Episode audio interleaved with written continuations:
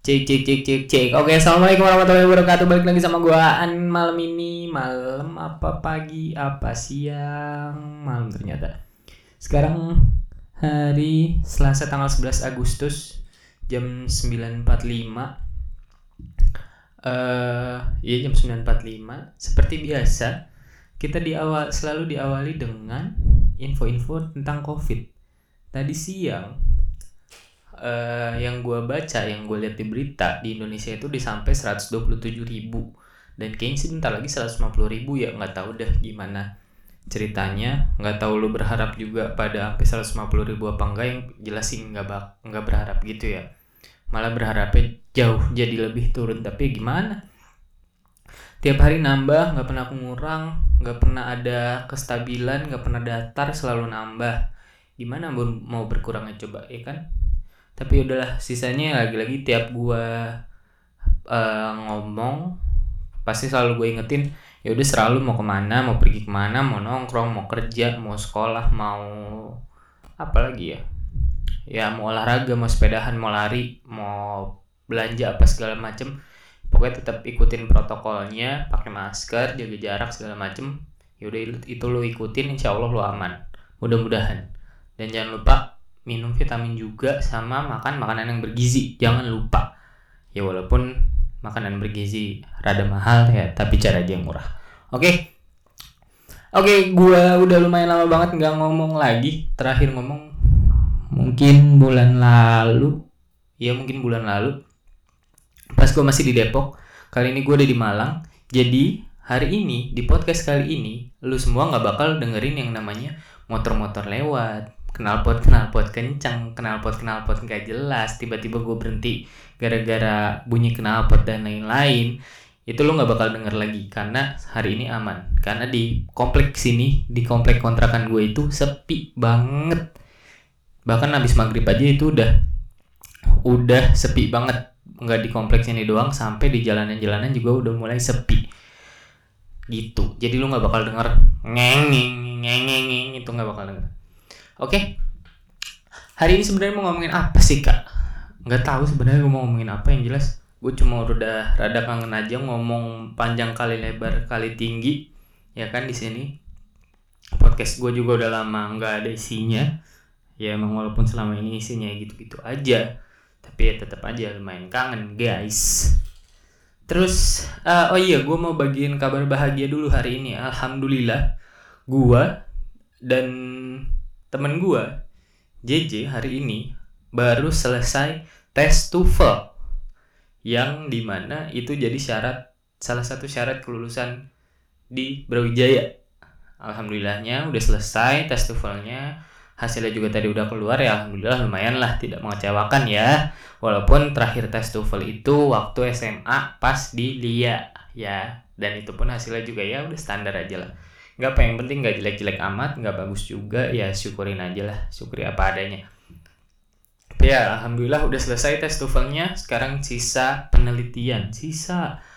Tinggal tinggal enggak mau penelitian buat skripsi gua. Nah itu dia.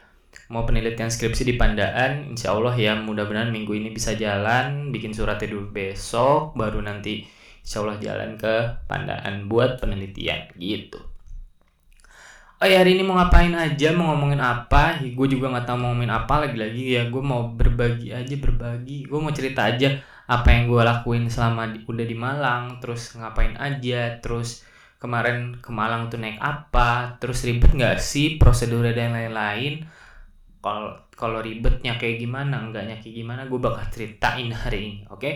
tapi nanti juga bakal gue puterin lagu-lagu terserah gue lagu apa aja yang nanti bakal gue puterin. Ya mungkin lagu-lagu yang lagi gue dengerin akhir-akhir ini atau enggak ya random aja gitu lagu apaan kayak serah gue pokoknya nanti gue bakal puterin. Nah sebelum kita masuk nah abis ini bakal gue puterin satu lagu dulu. Lagu siapa ya? Kayak lagu Rizky Febian deh yang tak lagi sama lagi sering banget gue dengerin. Nanti gue puterin oke? Okay?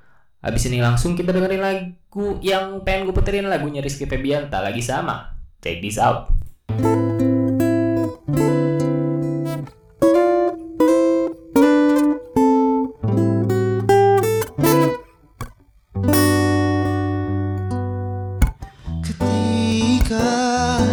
Rasa tak lagi sama Cinta tak lagi sempurna.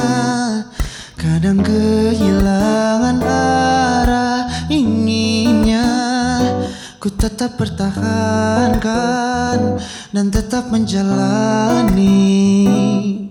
Hari demi hari Apa pun yang kau rasakan Bagaimana kau menolak Rasa ini akan tetap sama.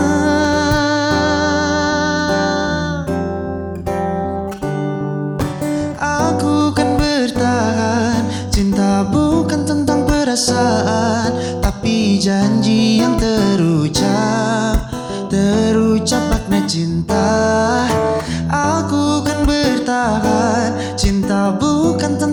perasaan Tapi janji yang terucap Terucap makna cinta oh, oh.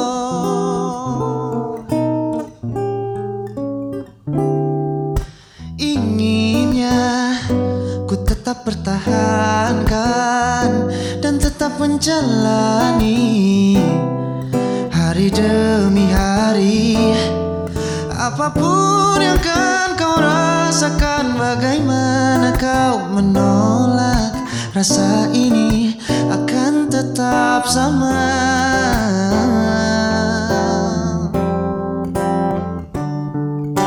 Aku kan bertahan Cinta bukan tentang perasaan Tapi janji yang terucap Terucap makna cinta. Aku kan bertahan perasaan Tapi janji yang terucap Terucap makna cinta. Oh, Terucap makna cinta. Terucap makna cinta. Aku kan bertahan Cinta bukan tentang perasaan Tapi janji yang terucap Terucap makna cinta. Aku kan bertahan Cinta bukan tentang perasaan. Tapi janji yang terucap Terucap makna cinta. Bukan tentang perasaan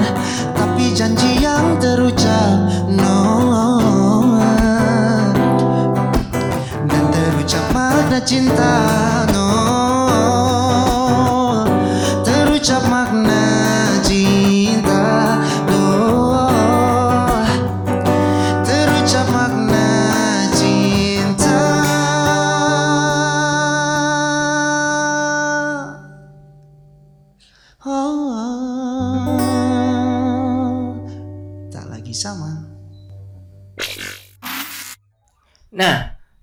lagu Rizky Febian udah kita puterin tak lagi sama itu lagi gua dengerin akhir-akhir ini. Lagi lumayan sering gua dengerin. Nggak tahu kenapa karena emang pertama suaranya si Iki emang enak banget. Ditambah lagunya juga enak. Lagu-lagu ini kayak lagu-lagu Iki juga enak banget sih dari dulu sampai sekarang. Jadi ya gue dengerin akhir-akhir ini dan apalagi versi live-nya juga lebih enak lagi dan lain-lain. Oke, abis lagunya Iki tadi yang tak lagi sama dari Rizky Febian dari si Iki, gue mau ceritain dari awal dulu. Gue kemarin ke Malang itu tanggal 27 Juli. Hamin beberapa lebaran Idul Adha. Nah, itu tuh sebelum gue berangkat itu gue diwajibkan buat ikut eh, ikut bukan ikut buat ngejalanin rapid test dulu dan awalnya bingung mau rapid test di mana segala macam karena harga rapid test lumayan tinggi di beberapa rumah sakit di Depok ada yang 250-an, ada yang 350 sampai bahkan ada yang 750. Dan gue ambil yang paling rendah karena emang eh, kebutuhan buat beli tiket uangnya masih butuh lumayan banyak juga. Jadi gue ngambil yang paling rendah yang 255.000 kalau nggak salah. Itu udah rapid test sama konsultasi sama dokter itu di Mitra Keluarga Depok kalau yang tahu di samping Polres Depok tuh yang di depannya Balai Kota. Nah itu eh, rapid testnya cuma sebentar tapi buat menuju ke rapid test itu deg-degan banget karena eh, nggak tahu kenapa gue karena selama beberapa bulan itu benar-benar di rumah doang sekalinya keluar ya lu tahu gue sekalinya keluar ke rumah uni dan kemarin sempat keluar beberapa kali sih dua kali kayaknya cuman ke rumah temen gue itu juga karena dia sidang dan gue mau pamitan buat ke Malang. Itu doang. Sisanya nggak keluar ke mana-mana lagi. Terus eh menuju rapid test itu deg-degan banget karena gue takut aja gitu walaupun gue udah ngejaga banget gue nggak keluar rumah sama sekali cuma di rumah doang. Gue tuh takut dengan eh OTG OTG OTG orang tanpa gejala kalau nggak salah iya OTG dan gue takut banget entah tiba-tiba dari mana dari mana tiba-tiba eh, reaktif dan lain-lain kan gue juga takut kan. Sementara tiket pesawatnya udah dibeli. Dan gue nggak tahu bisa di refund apa enggak dan lain-lain. Dan sebelum gue eh, rapid test pas lagi nungguin itu itu emang ruangannya tuh terpisah dari ruangan umum kan. Tapi tetap aja pas nungguin tuh lumayan deg-degan ruangannya sepi banget dan ada satu orang yang datang. Satu orang datang ya mbak-mbak itu mau ngambil hasil rapid test dia kemarin. Dia tesnya kemarin baru diambil hari itu. Dan ternyata yang dikasih tahu sama perawatnya sama susternya hasilnya dia itu reaktif. Dan gua makin deg-degan karena gue takut. Semisal tiba-tiba hasil gue juga reaktif. Gue nggak tahu harus ngapain karena mbak itu ketika hasilnya reaktif dia disuruh buat ngelanjutin ke swab test lalu buat ngelanjutin ke dokter penyakit dalam. Dan yang gue denger dengar itu nanti bakal habis biaya sampai sekitar satu jutaan. Makanya gue takut. Dan akhirnya setelah nunggu beberapa lama nggak lama sih 10 menitan 15 menitan akhirnya gue dapet giliran buat rapid test. Gue kira selama ini rapid test tuh ngambil darahnya dari ujung jari kayak ngambil darah pas SD gitu loh pas mau tes darah golongan darah golongan darah lu apa kan da- dulu dari ujung jari kan ngambilnya nah gue kira tuh kayak gitu.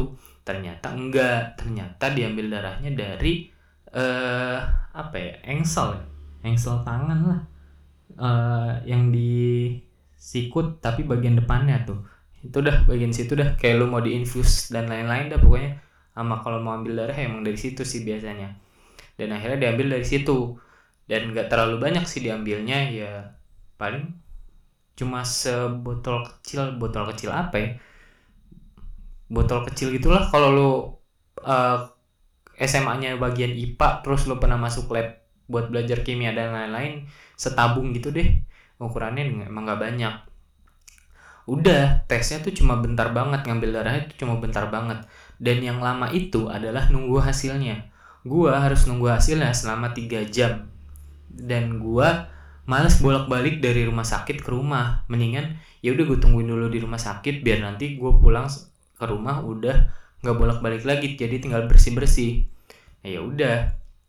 Gue nungguin eh, setelah nungguin beberapa lama itu sebelum hasilnya dikasih itu gue harus konsultasi sama dokter dulu. Konsultasinya pun ternyata gue kira ada dokternya dalam ruangan itu. Ternyata enggak dokternya juga konsultasinya kita lewat video call. Video call lewat WhatsApp. Tapi konsultasinya ya standar. Lu cuma ditanya lu ke mana aja selama beberapa bulan ini? Lu pernah dari luar kota apa enggak? Lu pernah keluar kota apa enggak? Terus pernah kontak sama orang yang kena covid apa enggak? Dan jawabannya enggak semua. Gue emang enggak ke mana-mana. Gue paling jauh cuma ke Beji dan lain-lain nggak pernah kontakan sama orang yang positif covid dan lain-lain. Alhamdulillahnya. Dan ya udah selesai konsultasi hasilnya dikasih dan gue eh masih agak bingung kan bacanya gimana. Hasilnya emang ada bacaannya non reaktif dan gue masih rada bingung. Akhirnya gue gue tanya ke susternya ini hasilnya gimana ya? Oh iya ini hasilnya non reaktif alhamdulillah. Gitu. Ya udah begitu selesai gue balik ke eh, bagian administrasi dulu selesai administrasinya. Begitu gue mau pulang gue pengen mastiin lagi gitu loh. Gue bisa nggak sih sebenarnya keluar kota ini buat ke Malang buat penelitian dan lain-lain? Karena gue masih takut nanti tiba-tiba nggak bisa dan lain-lain kan. Jadi gue pastiin lagi gue tanya lagi ke susternya sus berarti ini saya bisa melakukan ngelakuin perjalanan kan ya? Terus dijawabnya iya kak nanti itu tinggal kakak tunjukin pas di eh, bandara biasanya ditanyainnya oh oke. Dan yang gua yang gue syukurin banget adalah eh ketika hasilnya non reaktif gue itu sepanjang perjalanan dari rumah sakit sampai ke rumah itu dengerin lagu di motor sambil senyum-senyum sendiri. Sepanjang jalan karena saking senengnya gue tahu hasilnya itu non reaktif dan alhamdulillahnya gue senengnya lagi. Akhirnya gue bisa ke Malang yang nantinya buat penelitian. Itu senengnya bukan main minta ampun senengnya. Sampai akhirnya ya udah nyampe rumah. Gue bersih bersih dulu karena emang dari rumah sakit banyak banget bakteri dan kuman dan lain-lain semua pakaian langsung dicuci. Ya udah habis itu gue kasih tahu ke papa mama ya hasilnya kayak gitu alhamdulillah. Dan semua udah surat-surat udah gue fotokopi buat jaga-jaga nanti di bandara kalau misalkan diminta. Gitu itu buat eh, awalnya buat rapid testnya dulu ya kan? Nanti eh gue berangkatnya naik apa terus eh, persyaratan pas gue berangkat atau apa aja dan lain-lain gue kasih tahu abis eh, lagu yang gue puterin abis ini. Gue mau puterin lagu apa ya abis ini ya? Lagu yang lagi gue sering dengerin juga atau enggak ya?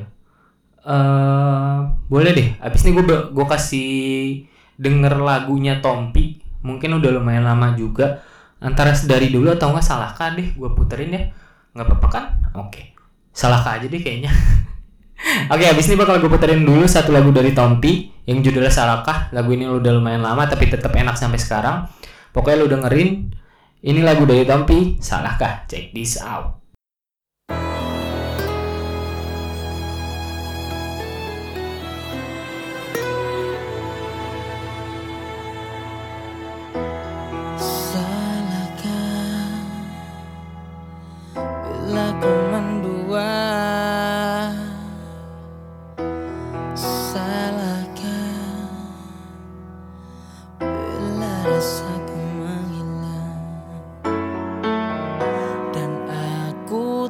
Lagi merasa engkau ada. Dan cintaku seolah jenuh akan hatimu. Kasih tinggalkanlah diriku untuk selamanya. Biarkan ku sendiri. Cukup bagi diriku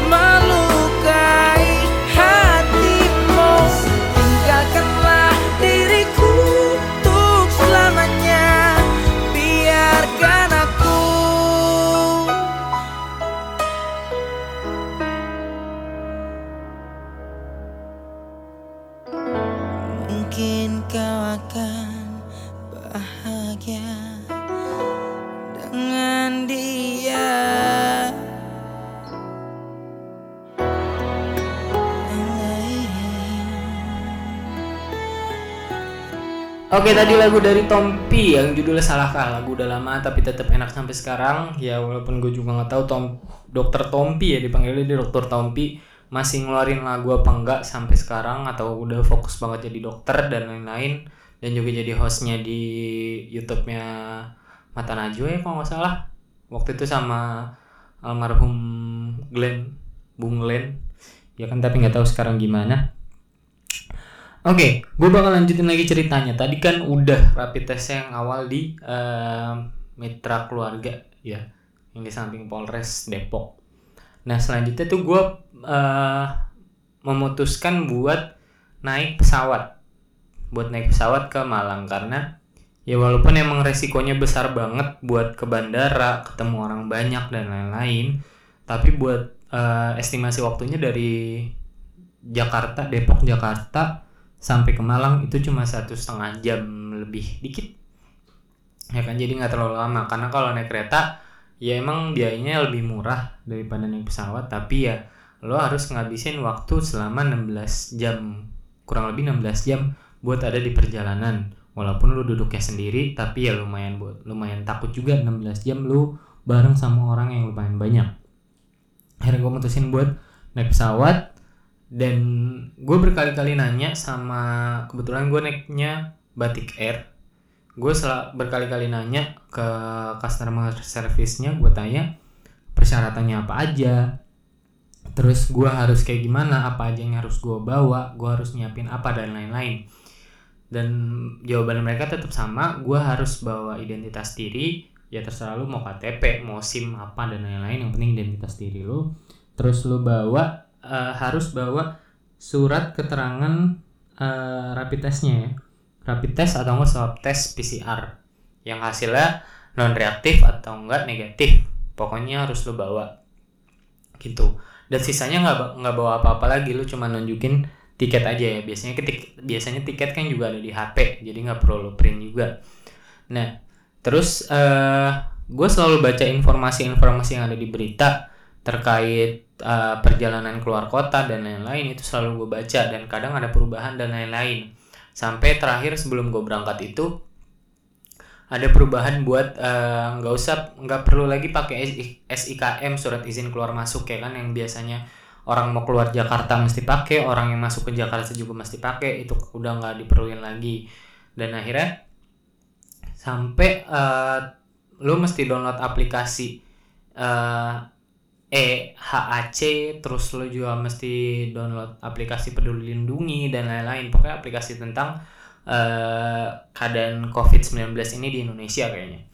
Dan akhirnya ya udah udah gue download semua itu udah semua gue eh, lakuin udah ada semua surat-suratnya identitas dirinya juga ada.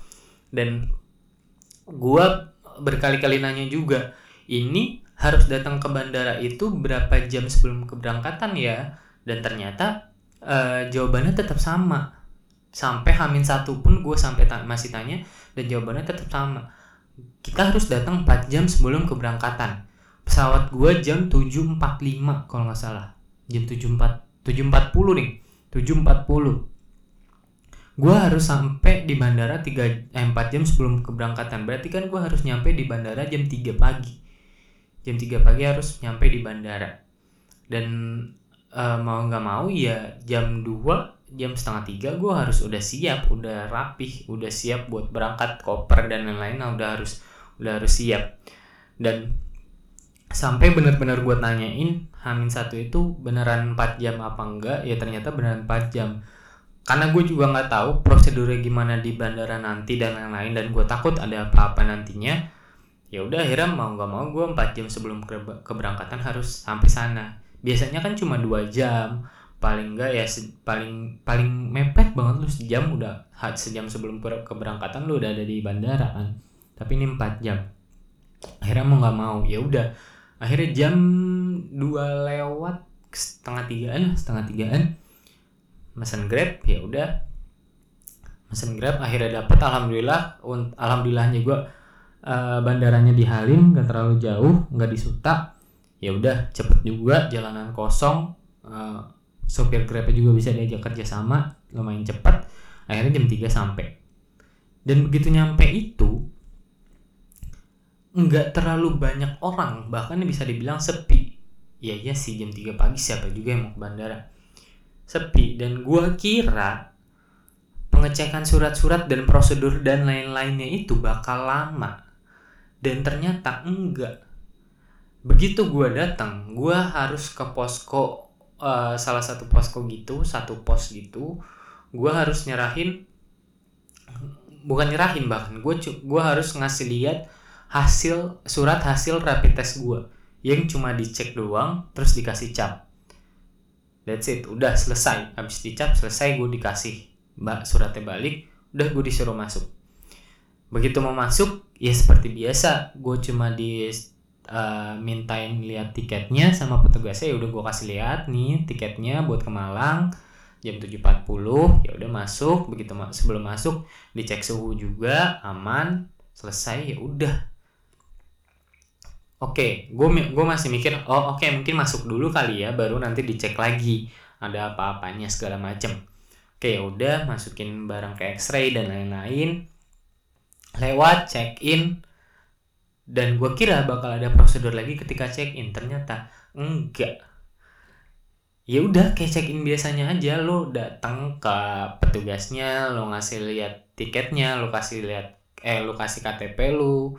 Terus juga ya udah lo timbang barang lo yang mau masuk bagasi mana yang mau di kabin segala macam udah. Begitu lo udah selesai dapet tiketnya dapet nomor kursinya ya udah lo masuk aja masuk aja selesai. Udah nggak benar-benar nggak ada pengecekan apa-apa lagi. Bener-bener selesai check in lu tunggu di ruang tunggu. Nggak ada pengecekan apa apa lagi nggak ada tes dan lain-lain lagi apalah segala macamnya nggak ada. Udah. Dan gue langsung bingung seadanya ngapain gue datang 3 4 jam sebelum keberangkatan kalau pengecekannya cuma gini doang mendingan gue masih tidur gue masih nyantai-nyantai dulu di rumah. Baru nanti dua jam sebelum keberangkatan abis subuh gue baru berangkat. Udah gitu kan gue bener-bener ngejaga diri kan. Pakai masker iya. Pakai sarung tangan iya. Pakai jaket iya. Pakai topi iya. Pokoknya bener-bener sesafety itu. Gue gue pakai sendal tapi pakai kos kaki celana panjang jaket ya segala macamnya lah. Pokoknya lengkap. Selengkap lengkapnya lengkap dan ternyata nggak ada pengecekan apa-apa dan itu yang benar-benar bikin gue Iya lu ngapain datang 4 jam sebelum keberangkatan kalau pengecekannya cuma gini doang. Tapi ya udahlah, gua gua pikir ya mungkin ini buat ngehindarin keramaian pas lu check in kali ya. Mungkin ya, tapi gue juga nggak tahu alasannya apa. Karena sampai hamin satu yang gue bilang tadi, gue nanya, mah tetap harus hamin, eh iya tetap harus minimal 4 jam sebelum keberangkatan.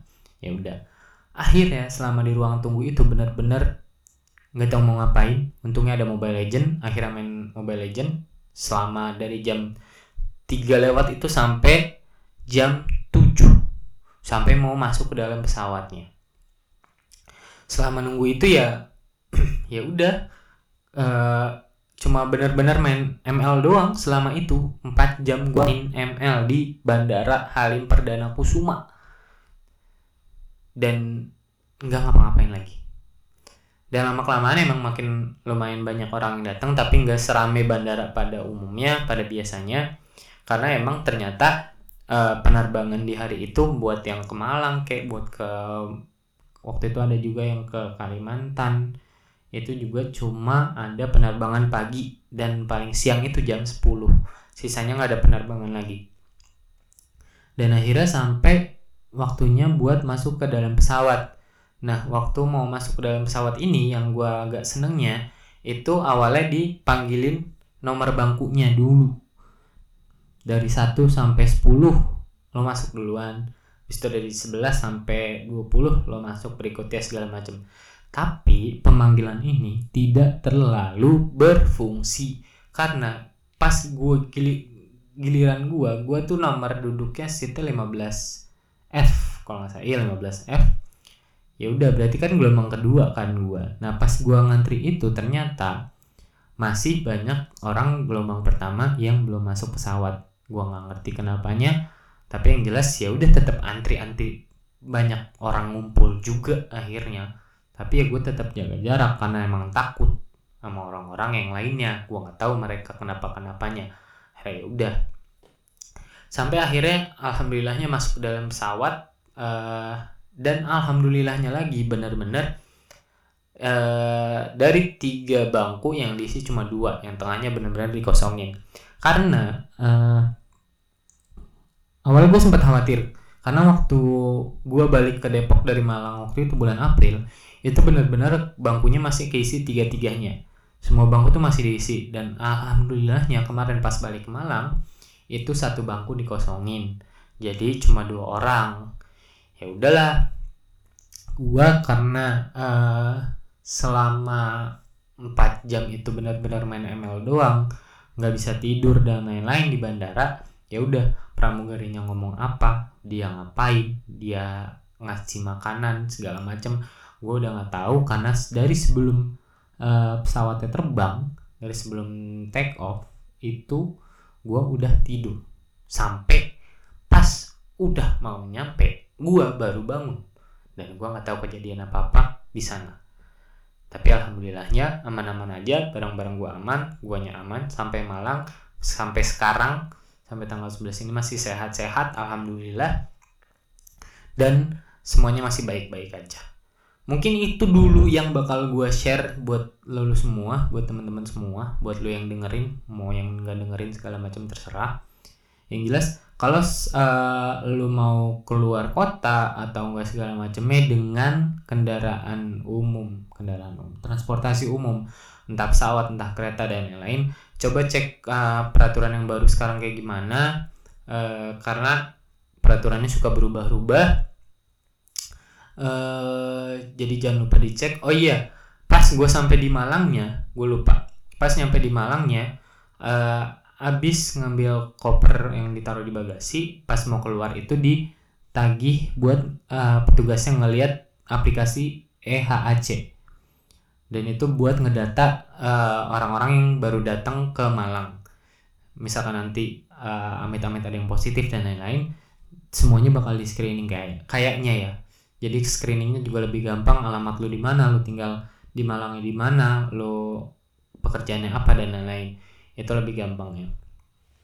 Pokoknya gitu yang lu yang mau keluar kota silahkan cek dulu regulasinya yang baru peraturan yang baru lu harus ke mana lu harus uh, nyiapin apa lu harus tes apa lu harus uh, bawa apa dan lain-lain lu harus download aplikasi apa lu mesti naik apa segala macamnya karena mungkin misalkan lu naik kereta beda lu naik pesawat beda lu naik kapal laut beda lu naik kendaraan pribadi naik mobil ya beda. Jelas kalau naik mobil setahu gue lu nggak harus nyiapin apa-apa.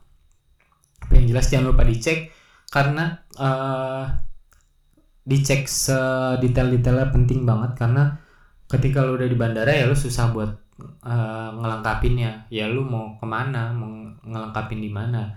Susah kan kalau udah di bandara. Jadi gue saranin sebelum lo berangkat ya udah lu cek benar-benar semuanya udah lengkap apa belum barang-barang surat-surat persyaratan dan lain-lain. Silahkan dicek dulu. Selebihnya buat datangnya berapa jam sebelum keberangkatan dan lain-lain itu silakan lu tanyain sendiri ke maskapainya. Mau lu naik pesawat lu naik kereta lu tanya sendiri. Karena mungkin bisa jadi berubah lagi karena terakhir begitu gua nyampe di Malang ternyata peraturannya baru lagi. Lu nggak harus datang 4 jam sebelum keberangkatan tapi dua jam sebelum keberangkatan lu bisa datang. Gitu. Jadi ya itu aja yang bisa gue bagiin dulu. Uh, gua ngapain aja di Malangnya. Mungkin next uh, obrolannya bakal gua kasih tau gue ngapain aja.